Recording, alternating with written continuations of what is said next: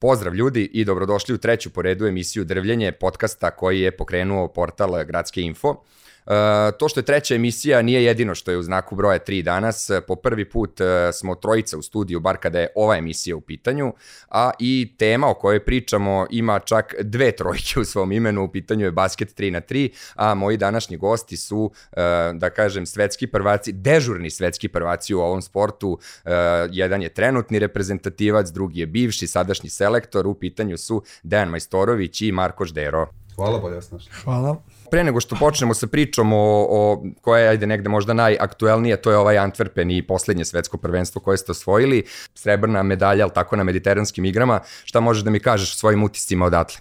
Pa za mene, za mene vrlo bitno takmičenje. E, prvo što je u okviru olimpijskog komiteta i cela ta atmosfera tamo, olimpijskog sela je ok, na, na, na, ne na, na tom nivou kao prave, prave olimpijske igre ili kao europske olimpijske igre, ali generalno cijela atmosfera jeste kao, kao na olimpijskim igrama.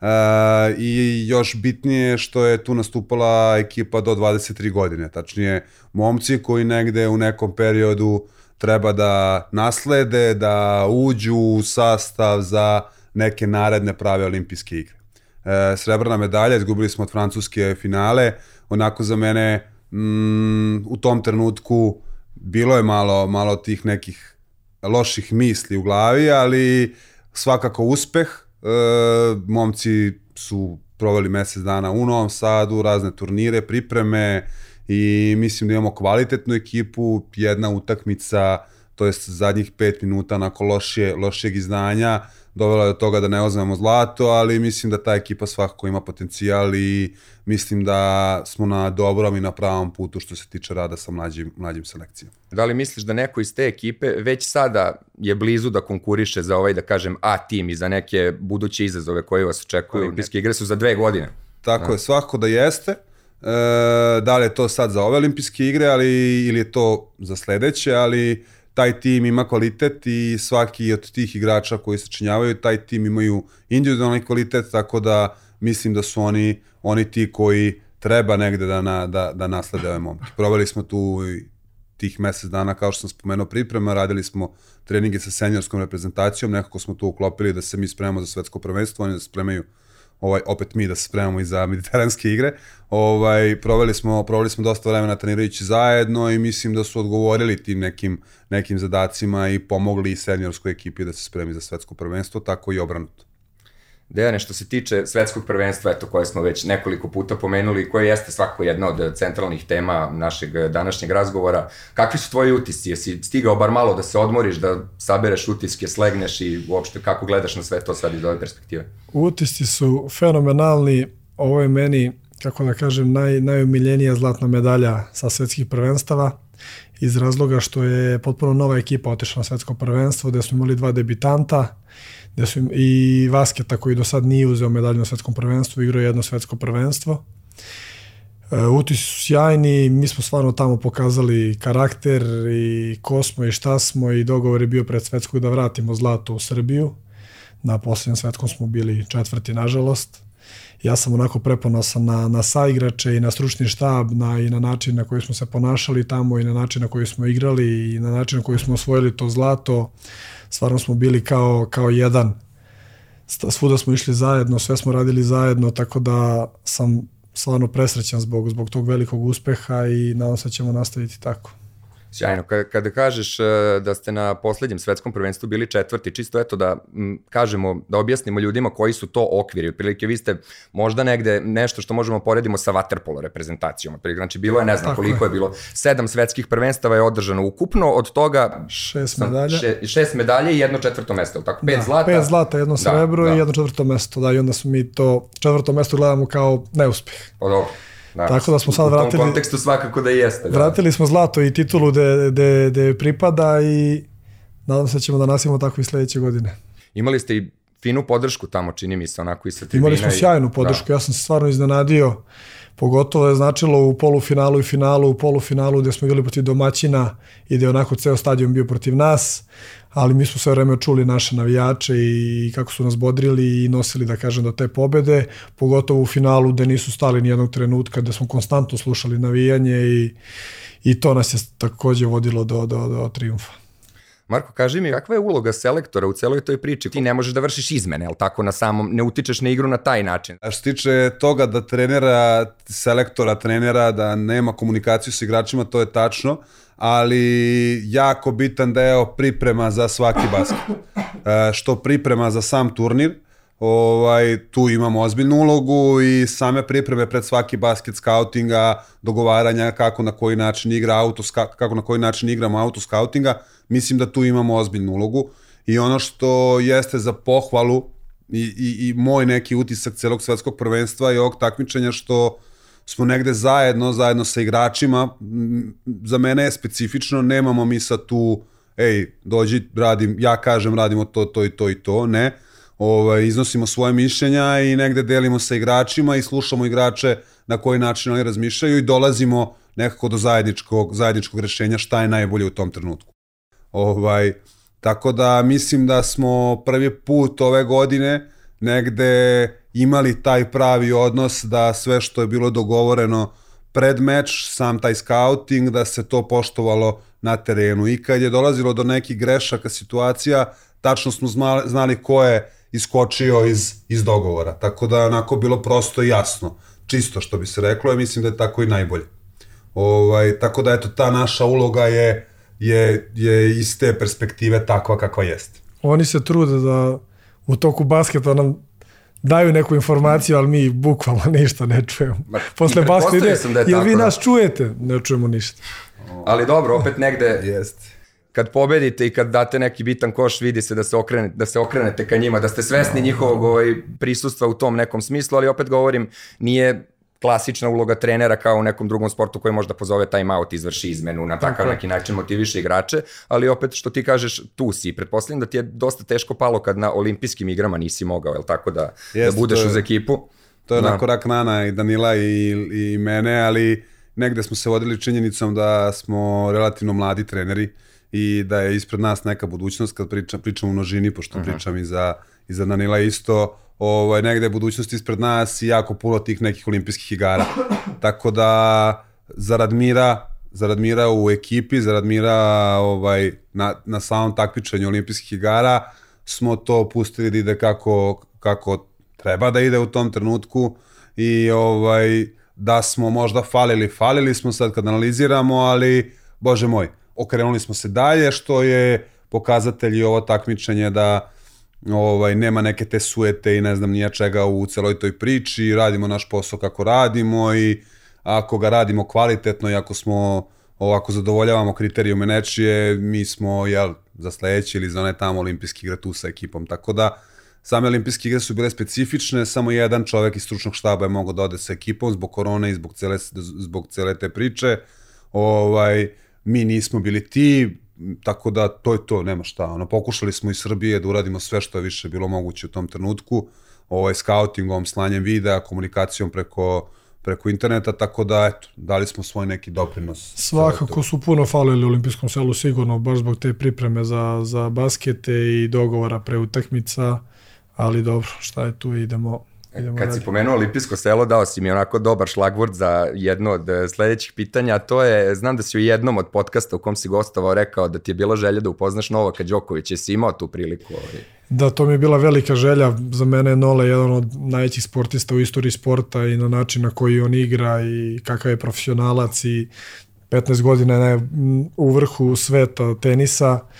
Da, imali smo tu priliku, sećam se da je neko došao, gore smo bili na terasi u, u kod apartmana i neko je rekao enoga nole, enoga nole dole sedi sa svima. Znam da sam on išao sprint da, da, da slušam šta on priča, on je sedeo tamo pred svima nama jedno sat vremena i pričao neka svoja iskustva i to je jedno veliko iskustvo za mene i fenomenalno osjećaj slušati takvog sportistu i profesionalca imali smo posle priliku da slikamo sa njim, naravno bili smo tu sa njim, mi mu ilazili smo se konstantno u zgradi, Tako da je to za mene ostavilo jedan najveći utisak u selu, upoznavanje Novaka Đokovića. Znam da su i ostali sportiste iz ostalih zemalja dolazili do naše zgrade, gde je Novak, mi kao pa otišao.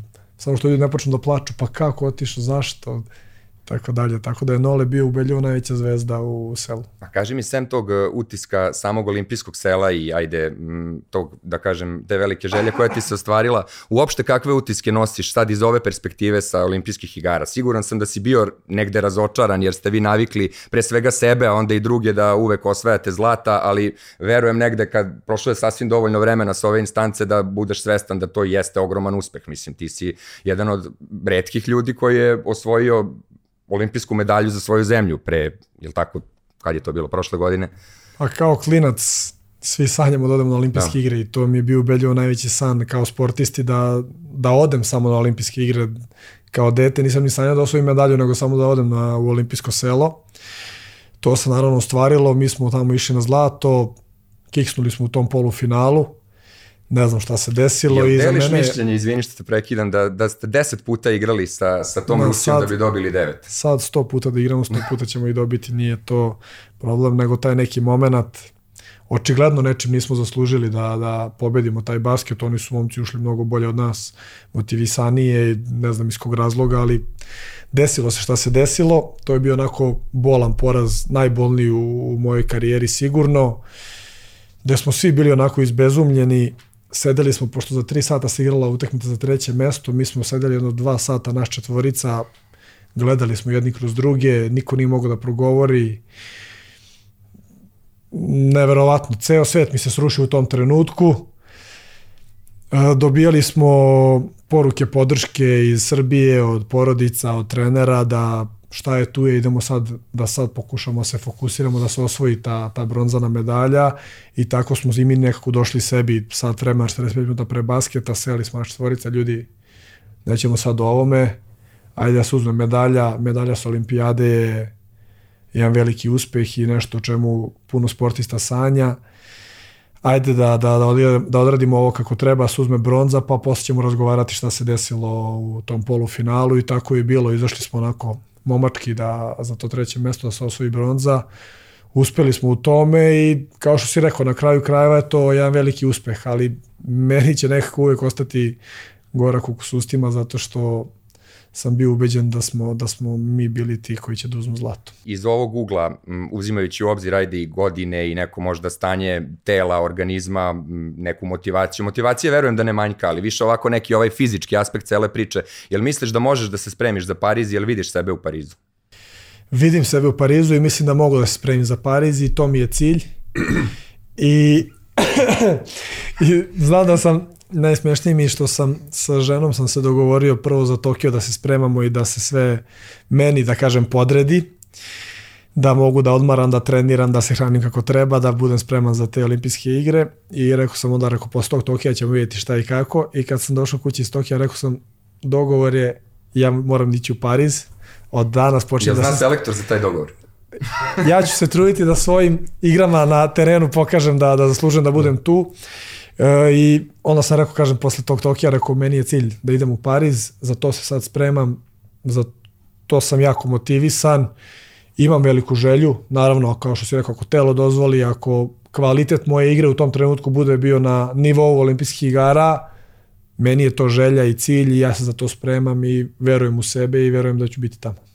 Činjenica da basket ne prašta neki loš dan ne prašta neku grešku, ne prašta crne minute, ne znam, ti ne znam u košarci 5 na 5 igraš treću četvrtinu, 5 minuta ne daš koš i onda opet možeš da se čupaš, jel tako, da, da nekako Gubiš to 20 preokreneš, tako i je, tako je. A ovde recimo tri loša šuta, ne znam, neka serija protivnika od dve, tri dvojke, tu nema vađenja, nema prosto vremena. I koliko je iz tog ugla ovaj sport suroviji od, od, od velike košarke, da je tako nazovem? Pa definitivno jeste. Ja bih se samo izvini pre ovoga tvog pitanja samo osvrnuo na ode mm želje. Iskreno ja sam mislio da se oprosti od reprezentacije da se digne taj dres dan, o, ove godine posle evropskog prvenstva, ali ajde, ovaj, poka, pokazao nam je sad na svetskom prvenstvu da i dalje on to može. Ovaj, tako da je produžit ćemo za sledeću godinu. Ovaj, da do sledećeg godinu. godinu. Ovaj, pa definitivno je drugačije, definitivno je drugačije, sport totalno i fizički zahtevniji i sve to jeste, kraće traje, ali je intenzitet neverovatan i iz tog intenziteta, to što si rekao, nemaš prava na puno grešaka. Tako da negde se mi, moj, moja neka filozofija e, basketa jeste da mi napravimo da mi igramo dobru odbranu, da mi tu ne kiksamo i tu ne grešimo puno, a sami igrači iz Srbije odavde su sami po sebi dovoljno talentovani, dobri igrači, nekako skoreri u tom nekom smislu da, da ćemo lako da se da ovaj da damo koš. Tako da iz te neke ajde tak, ta opšte taktike, mm -hmm. ovaj meni moja filozofija se bazira na tome. Tako da e, tu pravu si da jeste, pritis, pritisak je mnogo veći, sa, ne znam, svako to, ta, svaki taj trenutak četvrt finala, polufinala, finala, jednostavno nemaš prava da budeš dva minuta u lošoj igri, nemaš prava na, na, na, na više od pet grešaka, nemaš prava jer jednostavno takav je sport i pogotovo što dvojka vredi duplo, nije kao u košarci ti ubaciš 3 za 2, nije, nije isto, ovde ti je bukvalno duplo, Tako da ovaj, svi ti neki parametri govore da nema prava previše na, na Ne smiješ ni problem s faulovima da uđeš, je tako? Od, od šestog idu dva bacanja. Jel? Jeste, da. ok, to, tu, se, tu se dobro prilagođavamo uh. -huh. i, i tu je negde filozofija da se igra jako do šestog uh mhm. -huh. faula i onda da se proceni za, za kad je jaka odbrana, za kad je rizik od faula i sve ostalo. Dešavaju se gluposti da se prave, ne znam, nije fauli bez, bez, u tom bonusu, ali ok, to mora da se smanji, to je trudimo se da smanjimo na minimum. Dejane, šta je potrebno po tebi za igrača koji je, ajde da kažem, ostvaren u igri 5 na 5, da bude dobar basketaš? Koji je to x faktor koji treba da ima igrač da bi se prešaltao na basket i da bi u tome bio toliko uspešan kao što ste vi? Da, da, svi smo naravno igrali košarku 5 na 5. Mislim, ja nisam nekad, nikad ni bio na nekom nivou u košarci 5 na 5. Imali smo dosta skalpova tih vrhunskih igrača, kažem i NBA igrača, i evroligaških igrača. Mislim da je pre svega tim igračima problem zato što nisu posvećeni basketu 3 na 3. Mm -hmm. Oni se negde pojave na 2-3 turnira, 4 tokom godine i ne mogu da uđu u ritam. Kad god se pojavio neki igrač prvi put na turniru da igra NBA i da igra Euroligu, nije se snašao uopšte iz razloga što su ovde mnogo više, da kažem, pušta kontakta, mnogo se više bije i pre svega je to, oni dođu iz 5 na 5 i očekuju da kako ga neko pipne da, da dobije faul. A ovde je sve mnogo brže i kada da koš, uglavnom igrači iz 5 na 5 zastanu na dve sekunde, što je nama dovoljno da recimo ostanemo sami na trojici, pogodimo trojku, kao što je Ždero rekao, vredi duplo, tako da su malo nesnađeni u tome, ali ja verujem da svaki vrhunski igrač 5 na 5 koji bi se posvetio basketu, mogo bi da igra basket na, na, na vrhunskom nivou. Marko, što se tiče samog selektiranja ekipe, ne samo, ne mislim samo na našu reprezentaciju, nego uopšte na sport u globalu, je li to uvek neka ista približna struktura, kao da se traži lupam jedan play, jedno neko krilo i jedan centar, ili, ili ste imali situacije da igrate protiv tri niska i tri visoka, u tom nekom smislu kako to funkcioniše? A, u suštini, u zavisnosti od, od ekipe ili od tog trenera koji se bavi tom ekipom, od same ekipe koja se takmiče na takmičenju, ovaj, njihova struktura ima, ima raznih opcija. Igraju sa četiri mala, igraju uh -huh. sa četiri velika, neka ta koja ne, nemaju, nemaju nekoga ko, ko, ko je boler u, u sastavu, ali negde iz moje perspektive e, treba da budu četiri podjednaka, a opet da se zna ko je gde kvalitetniji i ko šta radi na terenu. Tako da, zašto četiri podjednaka? Baš iz te neke moje filozofije odbrane da mogu svi sve da brane. Da preuzimaju, da. Tako da, da. je. U suštini jeste to neka baza, mada evo sad u zadnjih par godina se i to malo menja, ovaj, uvodi se drugi sistem odbrane i na, na, na, na, u dobrim procentima je, je učinkovit, tako da ne znam, nekako m, apropo te priče i prethodne Dejanove, ta posvećenost neka naša, jer je mi ovde u Srbiji dva tima koja su se ajde da kažem, izdvojila, sad ove godine i prošle, ima jako puno timova sad koji se dižu ovaj, iz Beograda i negde mi živimo, živimo basket. Bukvalno kad kažem živimo basket, živimo basket. Znači, to je, ne postoji dan da nema neki trening, da nema, ako nema trening, da nema neka kafa, da nema neka, nekih dva sata gde se samo isključivo priča o tome.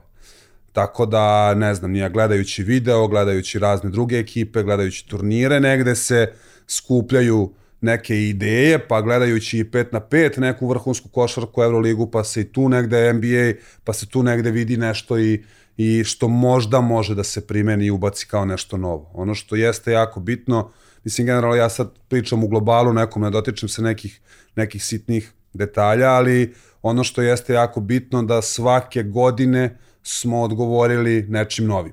E, svake godine smo ubacili nešto novo. Da li je to novi sistem treninga, da li je to neka nova akcija, da li je to neki način odbrane, ali uvek je nešto novo što nas drži ovaj što nas drži na tom nivou već evo koliko ovo je 10. godina, 11. Ja? Ušli smo 11 godina skoro bavljenja basketom profesionalno. Kad kažeš da živite, živite basket, koliko je to na, na godišnjem nivou, kako to funkcioniše? Ti turniri igrate, je li tako to, da kažem, klubska takmičenja, ovaj, ne samo reprezentativna, već uh, postoji neki renkinzi i individualni renkinzi klubova, to su, pretpostavljam, sve neka standardizovana takmičenja i turniri pod okriljem FIBA, je li tako? I koliko toga ima na, na nekom godišnjem nivou? Pa bude jedno da kad je, da kažem, normalna sezona dok se nije pojavila korona, bilo je challengera, jedno 30 challengera bude tokom godine i Mastersa 11-12. To su, Mastersi su najjači turniri, challengeri i imaju ispod questovi i ta državna prvenstva. Recimo kod nas u Srbiji ima 30-35 turnira tokom godine. Tako da uglavnom sezone počinju negde od aprila do decembra traje, traju turniri. Sad to sve zavisi sa Challengera se plasiraš na Masters, a ako imaš neki određeni Masters, neki Challenger vodi na Masters, ti taj Masters imaš, onda nećeš ići igraš taj Challenger i tako. Pravimo i mi plan da gledamo da se ne umaramo previše zato što se desi da se 5-6 nedelja za redom, 5-6 vikenda za redom igraš turnire gde dođe ta recimo peta nedelja i da ne može niko da se pomeri. Tako da je jako bitan i oporavak u ovom sportu, sezone budu stvarno naporne, prošle godine nije Ima li ikad odmora neke mrtve sezone da kažeš koji je Nama to mesec je odmor, kad, da kad kažem, nema ništa? januar. Uh -huh. Januar, da kažem, možda odmor, drugi deo decembra, s, s obzirom da je taj finalni World Tour ove godine isto 10. 11. decembra, tako da posle toga do januara odmaramo i onda recimo 15. januara ajde polako da krenemo. Svako neko individualno, neko hoće 1. februara, neko hoće ranije, ali otprilike 15. januara do 1. februara krećemo polako sa pripremama, i onda pripreme traju do početka sezone, to je najgori deo sezone sigurno. u svakom sportu. A, to što bi treneri da se po dan igra 1 na 1, 2 na 2, da se radi i kondicija i košarka i teretana i onda to sve bude onako malo prenaporno i pretrenirano. Kako jedva, izgleda jedva... tvoj neki prosečni dan uh, kada ne igraš turnir? Znači, koliko puta dnevno treniraš, uh, koliko ti vremena ode na sve to? Da li možda sebe da kažeš da generalno živiš nekim sportskim životom, ukupno gledano, ne mislim samo na treninge, mislim, nego i ovako na odnos prema svemu tom? Generalno da, živim neki sportski život, treninzi, kako ja najviše volim da mi da mi bude protekne dan u treninzima, da ujutro odradim recimo teretanu, posle, tare, posle teretane šut, šuterski trening i posle podne neki basket. To mi je onako da kažem između toga da odmorim i to je za mene na, najbolji osjećaj. Idealan najviše scenarij. idealan scenarij, volim da odem iz teretane da šutnem, da namestim ruku i uveče se pocepamo na basketu i to mi je onako To je idealan scenarij kad ti ne uleti neki podcast na koji možeš. Idealan scenarij, eto jutro sam odradio sam pre podcasta teretanu, sad posle podcasta idemo na basket. Nije ovo nije loš scenarij, odradimo basket sad od pola 12 do 1 do pola 2 i onda smo ceo dan slobodni. Ovaj, ajde malo da se vratimo na početke cele te priče. Eto, mislim da mi je Marko tu bolji sagovornik, nešto malo je stariji, mada smo svi negde malo više stariji, sličnih dobro. godina. Ti si 85, je li tako? Yes. Kaži mi, kada je um, počelo to sve u smislu, ne mislim kad je počeo basket da se igra, to je pitanje sad šta je starije, kokoška ili jaje, jel ono, da li je prvo košarka, košarka ili kada basket? Kada je počeo basket, počeo i on da se bavi basketom, tako da ti je to. Kad igraš ili gledaš negde basket bilo gde na nekom terenu u gradu ili ovaj, jedan teren, pet pravila, ne znam, neki igraju do 16, neki do 21, neki iznose loptu, neki ne iznose loptu i tako dalje. Kad je to negde standardizovano i počelo da se boduje i da se tome pristupa na malo ozbiljniji način? Evo i sad kad odete na đačku da igrate basket, imamo neko, no, to jest igra se po starim pravilima basketaškim, onim da kako smo mi navikli. Uh, 2011. godine FIBA, FIBA, FIBA počela nešto i malo ranije eksperimentalno, ali 2011. počela zvanično sa, sa, sa World Tourom. Tad ja mislim bilo tri ili četiri stanice, stanice da se igraju, gde je finalni turnir bio u Majamiju. Uh, mi to nismo mi to nismo tad igrali. Naše prvo jeste bilo 2012. Bio je neki turnir u Svilajncu, ja ajde ispričao sam isto tu priču dosta puta, ovaj gde je ajde s naše strane, ono što smo mi znali jeste finansijski, bile su najbolje nagrade, dobili smo tu neki budžet od nekog lokalnog sponzora da odemo na turnir i da ovaj da jel reklamiramo njega, usput mi da probamo da zaradimo pare. Marko Savić, Toma Ivošev, Dušan uh, Bulut i ja osvojili taj turnir, skupili neke bodove, tad je to počeo da se boduje. Mislim, u tom, tom trenutku nismo znali šta su bodovi, ali ok, dobili smo ih. Ovaj, drugi turnir je bio inostranstvo Talin u Estoniji, treći turnir je bio Bukurešt, tu smo uzeli dva treća mesta, na to je bilo da smo otišli u minus, sve ono što smo zaradili u tom financiju potrošili smo na karte, nismo uspeli da vratimo, ali smo otišli proputovali, videli jer smo to tako u tom trenutku doživljavali.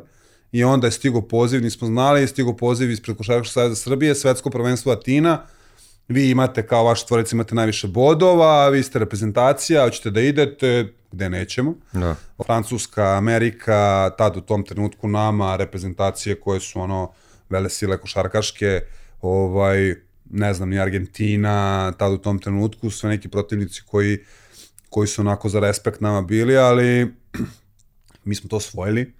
Ovaj, to je negde, ajde nama bilo svima ok, dač ok, ajde da se ovim bavimo. 2013.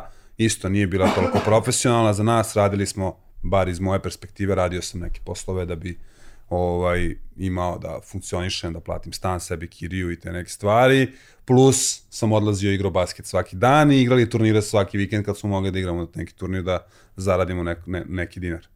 Tako da, ajde da kažem, 2014.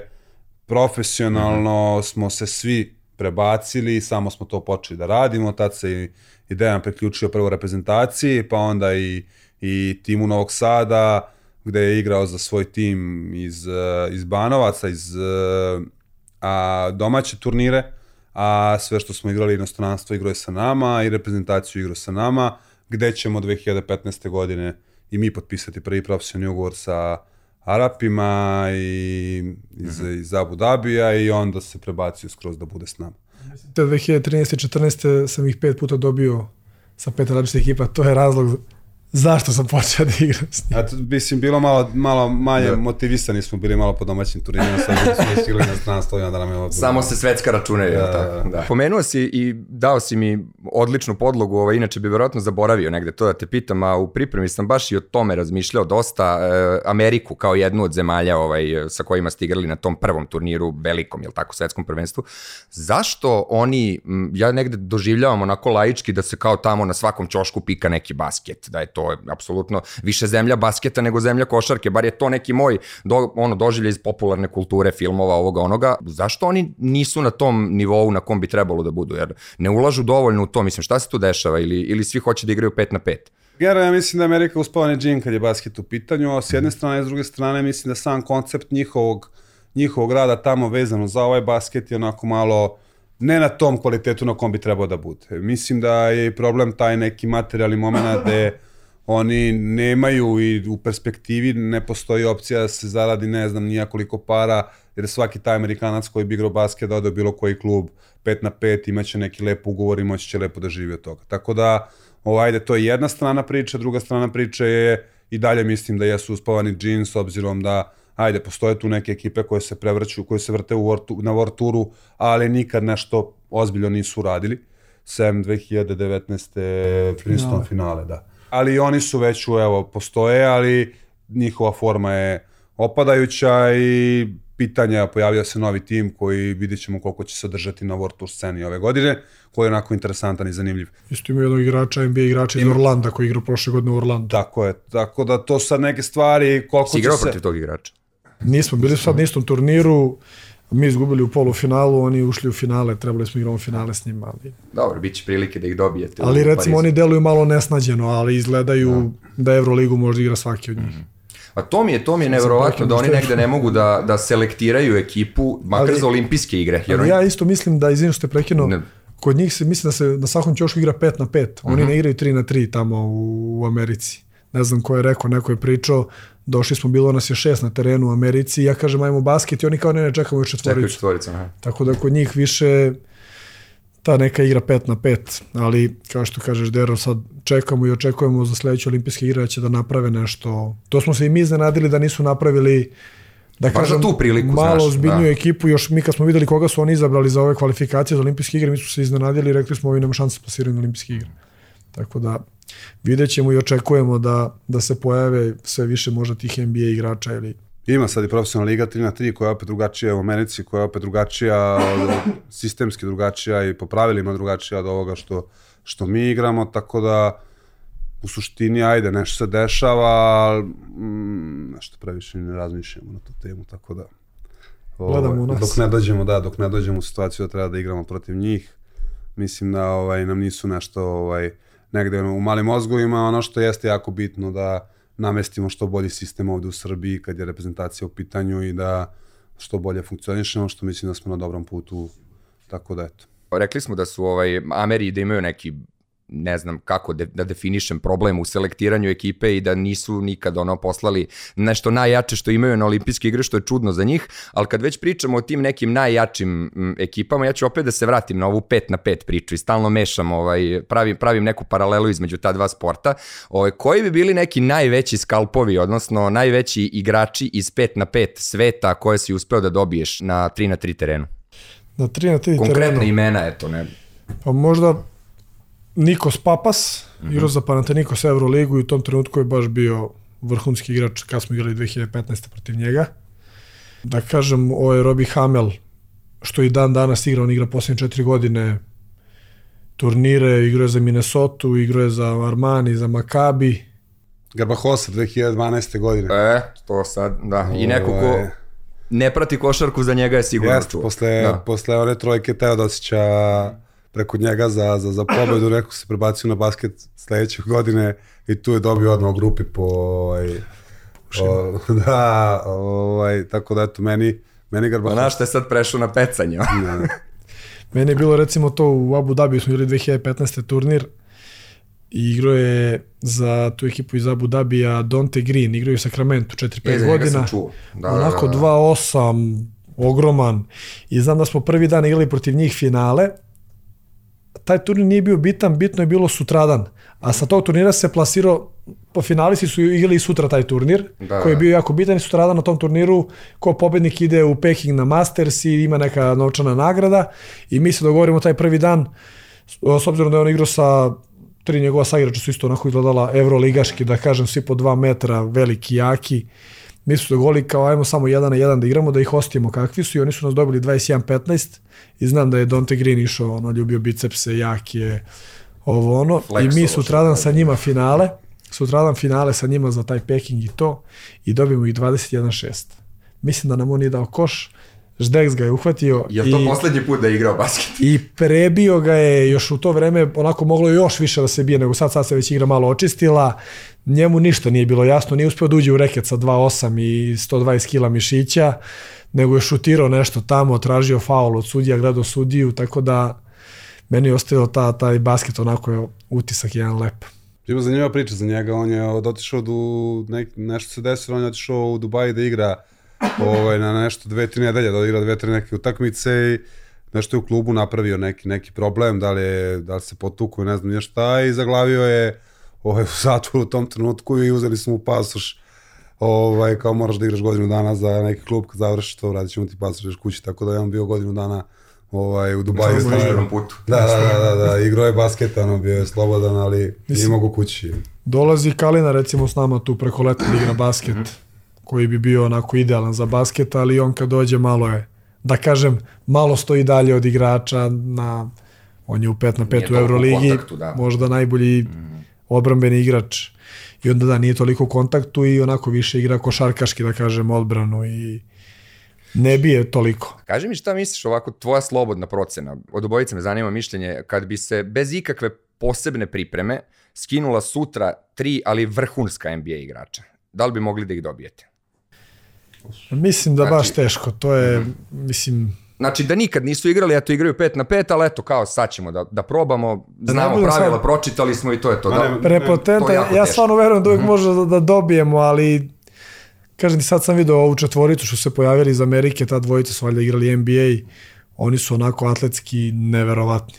Neverovatne su im promene i onda sad kad sam pomislio sad da nam dođe tu Lebron, verovatno bi Da. nas uneo svu trojicu u koš. Ne znam, ne mogu uopšte da, Možda da na neku procenim. foru da nešto pro... Ne mogu da, pro... verujem da recimo četiri evroligaška igrača sada se Mhm. pojave na prvi put i da bi ih dobili Da. u basketu, da bi, da bi dobijali prvih dve nedelje u basketu. Dok ne pohvataju malo Da, konce. ali ne mogu onako, ne mogu ni da ocenim, ali mislim da baš teško. S obzirom da su oni atletski neverovatno snažni i No ne znam, pojavio nam se sad momak koji je bio na Kentucky univerzitetu sad na svetskom prvenstvu Novog Zelanda. Mislim, ne postoji opcija da se, da se odbrani. Ako Mhm. on ide na koš i ako on ima snage da, da, da, da se okrene, to je koš 100%. On se pita. On se Da. pita, ne pitaš Da. se ništa. ima E, tako 2-6, da- 2-7, mislim ja sam igrao protiv njega, Da. okrene mi se na 2 metra od koša licem, napravi dribling u mene i napravi rolling i ne, ne pitam. Mislim, mi smo taj basket pobedili teško, ali smo pobedili, ali Na sad iskustvu. to je, da, sad to je eto momak koji igrao na, na, na, na univerzitetu, sad mogu da zamislim da se pojavi neko ko je već sa nekom karijerom NBA i koji ima nekih utakmica za sebe, ovaj, ko je Ma na tom da. nivou da igra NBA, mislim da je to nerealno, ali dobro, okej, i, i, igrali bi mi nešto. Ma šali. Rekao, ma dobili mi to lagan, ne bi se oni pitali ništa. Ne bi izašli, pre, ne bi prešli 10. Baš teško. Šta je, šta je sledeće što vam dolazi? Ovaj? Kakvi, su, kakvi su planovi za neki naredni period, za ovo leto? Jel ima turnira? Jel, hoćete stići makar neko more, nešto da, da, da, da odradite? Nema ili... mora. Nema Ne. mora, žene su jako nervozne, ali mora nema. Kreću Mastersi krajem jula, imamo Prag, polovina avgusta Lozana, kraj avgusta Debrecin, u septembru Evropsko prvenstvo i tako. Tako dalje i tako dalje. Trebamo još da obezbedimo neke Masterse koji se posle održavaju. Tako da sad tražimo te turnire koji vode na te Masterse. I to je, znači, nevezano za to koliko si ti dobro renkiran ili pojedinačno ili tvoja ekipa, ti konstantno moraš da igraš da bi obezbeđio, znači nemaš zagarantovano mesto na tim turnirima. imaš, ili mnogo kako ti, to funkcioniše? Lakše ti je, lakše ti jer u samom startu, na osnovu rankinga od prošle godine, u samom startu dobijaš određeni broj Masters turnira, ovaj, u startu si u boljoj poziciji, ali to je nedovoljno da se održiš do kraja godine na, tom najbolje, na toj najboljoj poziciji, tako da moraš da kroz challengere ili questove kao što je sad ova Slovačka i ne znam nija ta nacionalna prvenstva, da obezbediš sebi još ovaj, taj ostatak mas- Mastersa koji ti fali. U suštini strategija postoji ovaj, i onako zanimljiva je u nekom, nekom momentu, malo problematična jer ne znamo na samom početku sezone, ne znamo tačan broj turnira i tačan raspored kakav je, pa moramo da se prilagođavamo ovaj, iz vikenda u vikend kad dođe ovako ovaj deo sezone koji je, koji je pun turnira. Ovaj, iz neke trener, trenerske perspektive je nezgodno tempirati formu i organizovati sve, ali tako smo se i navikli da se prilagođavamo prilagođavamo i do sad to dobro radimo, sad vidjet ćemo. Bilo bi dobro da se na početku sezone zna tačan broj turnira gde su šta su, ali mislim da je to teško, da ćemo, da ćemo doći, da će sport doći na taj nivo, treba da prođe još puno godina, da će sport doći na taj nivo da, da je ovaj sve na početku kristalno jasno, pa ti praviš plan i program ovaj, shodno tome. Posebno nam je teško jer se upliče i reprezentativne obaveze koje, ovaj, koje igrači iz ajde za sad ta dva tima, ali A tu nema prozora da igra neko Tako je, treći, tako nego tako igrate vi. Tako je, Da. tako. Tako da, ajde, onako, malo je, malo je sve haotično, ali nekako mi plivamo u tom. Evo sad recimo posle od 15. septembra ima pet Mastersa. Mi ne znamo koji turniri vode na tih pet Mastersa. I mi sad čekamo da FIBA izbaci neke nove challengere da bi mogli da se prijavljujemo. Koji je da nivo mogli... ovaj turnir što je bio sad u Novom Sadu na, na trgu? To je taj drugi nivo challenger. Taj challenger je vodio na turniru u Lozanu. Finalisti idu na Mastersu u Lozanu. Ali ono što je bitno da se kaže kako je turnir izgledao i ekipe koje su došle je bukvalno World Tour na, na, na, najjači, mislim, ajde sad bez neke lažne skromnosti, generalno notu celoj toj priči, tu prelepu je dala i publika koja je nevjerovatna u Novom Sadu i mislim da smo negde postigli ono što smo hteli na samom početku kako je sport počeo jeste da ljudi, pogotovo iz Novog Sada, ovaj, zavole taj sport i, i, i da se negde prepoznajemo kao, kao takvi u svetu i prvo timovi koji se bave su, su, su uspeli to, bave tim iz Novog Sada su uspeli to, a hvala i ljudima koji nas ono prate i koji su nam svakako neki vetar u leđa i podrška na, na, na svakom turniru, a pogotovo na ovom Novom Sadu. A mislim, stvarno nema nigde takve publike kao na ovom turniru.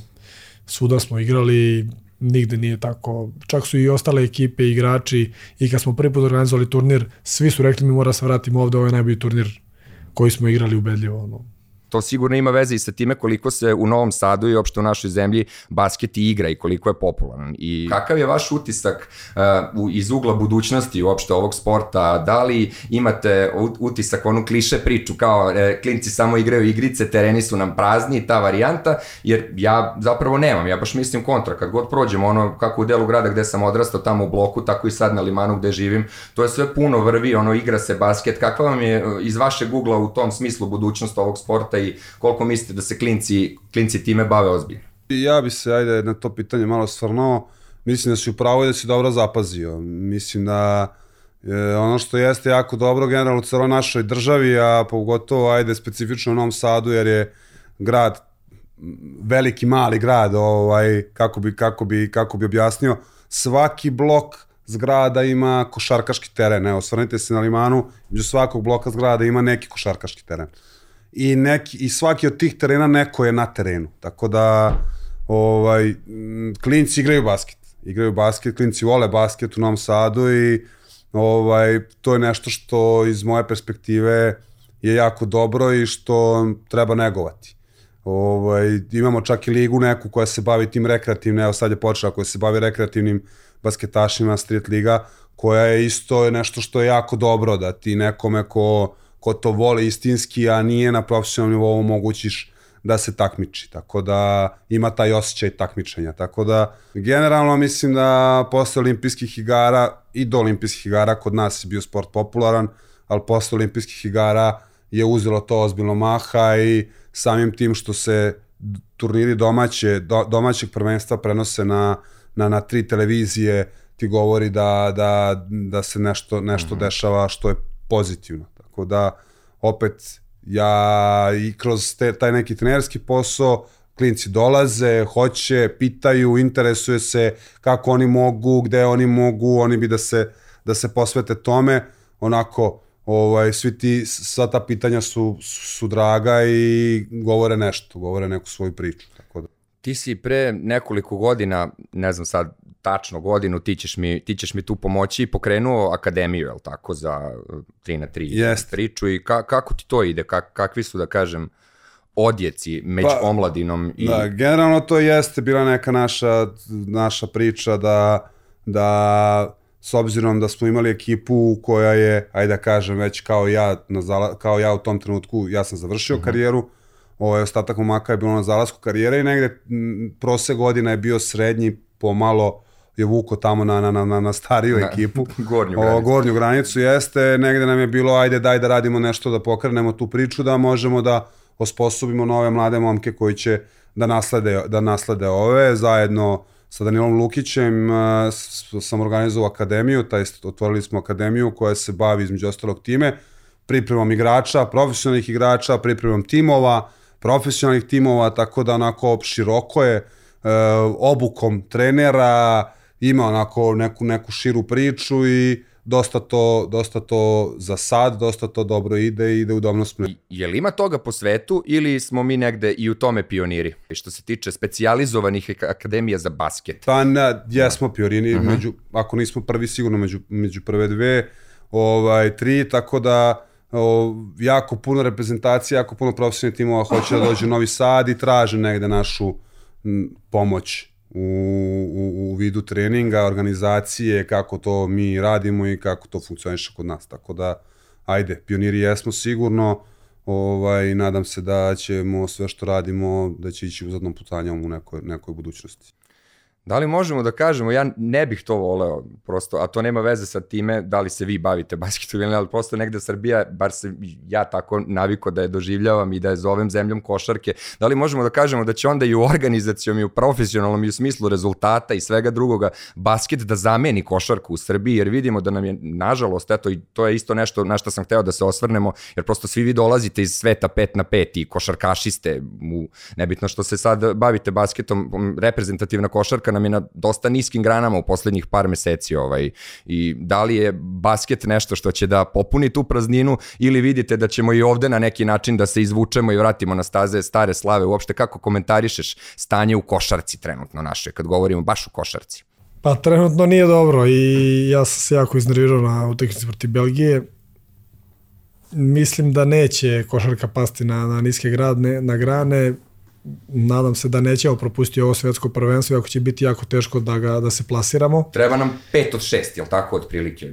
I to da Pa se, ja i da mislim, se poklopi. i ako bude Mhm. 6 od 6, treba da se poklope Jel da? rezultati da bismo se plasirali. Postoji mogućnost da pobedimo svih šest da se ne plasiramo. Ali stvarno mislim da da nećemo pasti niske grane, imamo jako puno talentovnih košarkaša i Teo je MVP Eurokupa i Micić je MVP Evrolige i Jokić je MVP NBA, samo se nadam da će se svi oni naći vremena i jako je teško da u stvari dolaze svi ti igrači kad su ti prozori u sred sezone da igraju za, za reprezentaciju, to je neki problem između FIBE i Evrolige. Ali ja verujem da ćemo se vratiti na, na, na pravi put i mislim da je ove godine evropsko prvenstvo i verujem da ćemo uzeti zlatnu medalju na ovom evropskom onda imamo prvenstvu. šansu da taj prozor možda odigramo s najjačim sastavom, je li tako? Evropsko prvenstvo. E, Ne, ne, ne, e, zato što prozor ide jedan valjda u avgustu, a, a evropsko nakon toga. Postoji, biće da, pripreme. da. da, i to su dve Tako dosta da- bitne, Grčka i Turska, to kao ako dobijemo, mislim da onda Verujem imamo neku... da ćemo već na evropskom prvenstvu napraviti veliki Mhm. uspeh i da će možda umanjiti malo Da.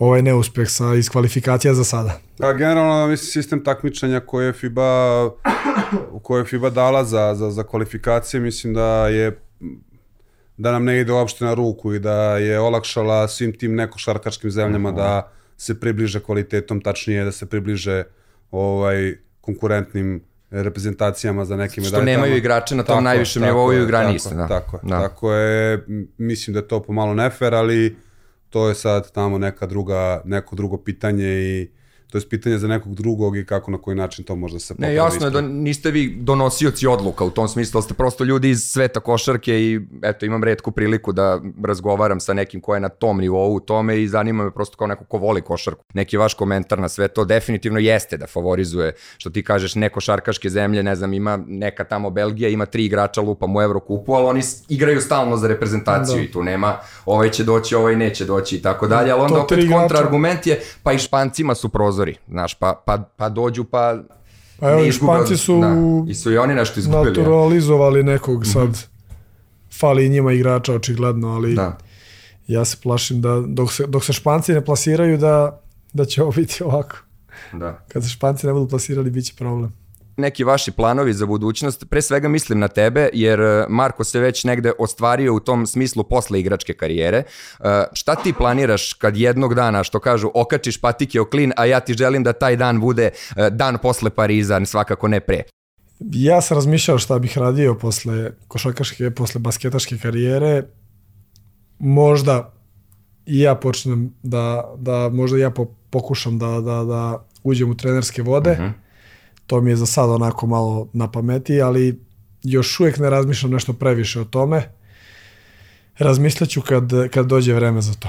Da, jer sad kad bi previše razmišljao o tome, mentalno ne bi bio tu gde treba da budeš. Bolje da se ja fokusiram na, na treninge i na svoje telo da održavam što je bolje moguće, ali možda voleo bi ja da, da, da budem trener jednog dana. Malo bolje nego Marko Šah. Ništa ja mu savjetujem da već sledeće godine počne da razmišlja o tome. znaš. Ili već na kraju ove. Još jednom da se osvrnem na te olimpijske igre koje nam dolaze u Parizu. Kako tu e, funkcioniše sistem kvalifikovanja na iste? Jel tu imamo kao već zagarantovano da ćemo da idemo ili kad ćete to znati? Pa nije zagarantovano, ali u stvari možda čak i jeste zagarantovano, zato što godinu, da, da sezonu pre, sad ne znam kad je taj, kad je presek, presek, Ja mislim na finalnom World Touru 2021. 20, tako, 2023. 2023. Ovaj, to je već sledeće godine i mislim da brojem ekipa i brojem igrača koji imamo na World, World Touru i ovaj, je ozbiljna količina bodova koji teško možda stigne, plus na to imamo domaće prvenstvo koje ima jako velik broj turnira koji se isto boduje, federacije se boduju, ne a, bodove federaciji donose igrači, ovaj, u zavisnosti od ranga takmičenja koji, koji igraju, što je veći rang takmičenja Masters turnira, Challengera i to, tako su i bodovi, tako i bodovi idu ka dole. Ovaj, tako da imamo domaće prvenstvo koje je jako, dve organizacije u Srbiji koje se, koje se dobro bave tim poslom. Ovaj, mislim da je negde nama za, za, za, za Pariz zagarantovano mesto da ćemo, da ćemo da budemo tamo. Jedino ne znam ni ja da se promeni neki sistem bodova i da ne znam ni ja šta se desi, pa da onda budemo malo u problemu, ali mislim da, da, da to, do toga neće doći. Ili da se promeni sistem kvalifikovanja na olimpijadu, ali ne, ne bi trebalo to i ostaje isto, ali tako? Mislim da moraju da nagrade federacije koje, se, ko, koje dobro rade. A mi da rade smo, posao. Srbija, muška reprezentacija je prva na rang listi već 3, 4, 5 godina. Jel imaš selektore već ekipu u glavi? Nemam Ili je rano? ekipu, nemam, rano je, nemam ekipu, to mi je ovaj, generalno i za svetsko prvenstvo bilo onako najteži posao Danilovi moj da odlučimo i da da, da odlučimo koja četvorica će da, da, da nastupaju za reprezentaciju. Imamo jako puno dobrih igrača. Ajde, ove godine konkurenti koji su se izdvojili od prošle godine, konkurenti su igrači Limana, igrači, igrači UBA i negde su i oni konkurentni za evropsko prvenstvo sad, za olimpijske igre koje su za dve godine, ne znam šta će bude uopšte, tako da ovaj, na nama je i na svim ovim ekipama koji se bave, koji su ušli ove godine na World Tour i koji, ko- koji se bore su isto tako konkurentni podjednako ovaj, u zavisnosti od toga forme, kvaliteta igrača unutar tih timova, tako da ovako globalno gledano Srbiji se radi dobar posao kad je, kad je basket u pitanju. Ima dosta profesionalnih timova. Ovaj, Ima odakle da se izvadi ima, što se ima odakle da se Mhm, da. dolaze na mladi, reprezentacija u 17. u 18 će biti u Novom Sadu od 11. jula, ok, to oni su baš, baš mladi, ali ovaj, negde radimo na tome da se što kvalitetniji igrači pojave i da što kvalitetniji igrači od tog uzrasta već probaju i osete šta je basket, jer je skroz druga priča. Ovaj, od košarke 5 na 5, naravno ne uzimamo ih, ne krademo ih, nego ih vraćamo u 5 na 5 ekipe, da. da oni se razvijaju kroz 5 na 5, a opet da nam leti dolaze da igraju basket. Tako da, eto, to je neki put koji je... Sistemski se radi i Jeste. kad je tako rezultat ne bi smeo da izostane. Nadam se da će biti tako. Ništa, moje još samo ostalo da vam se zahvalim stvarno na izdvojenom vremenu pre svega i negde uglavljivanju ove priče između, između dva treninga. Eto, ovaj, bilo mi je stvarno zadovoljstvo i veliko u- uživanje da, da vodim ovaj razgovor i želim apsolutno sve najbolje tebi pre svega da te povrede zaobiđu, da telo bude spremno što se kaže u naredne dve godine, da, da dočekaš taj Pariz i da ono što nisi uspeo da sticajem eto, nesrećnih okolnosti ostvariš u Tokiju, a ostvario si mnogo, eh, da, da negde kompletiraš i da to bude kruna karijere selektoru, Glava je naravno, problematičnija, telo ok, telo će izdržati, glava je problematičnija, tako da. selektoru što se kaže da, da nastaviš to što si započeo, da, Da. ti akademija ide kako treba i prosto eto da, da, da cela ta priča m, negde zaživi još više i da bude na još višem nivou, a već sad je na, na vrhunskom. Hvala vam još jednom i to Hvala, bi bilo to. hvala tebi na pozivu. Hvala tebi.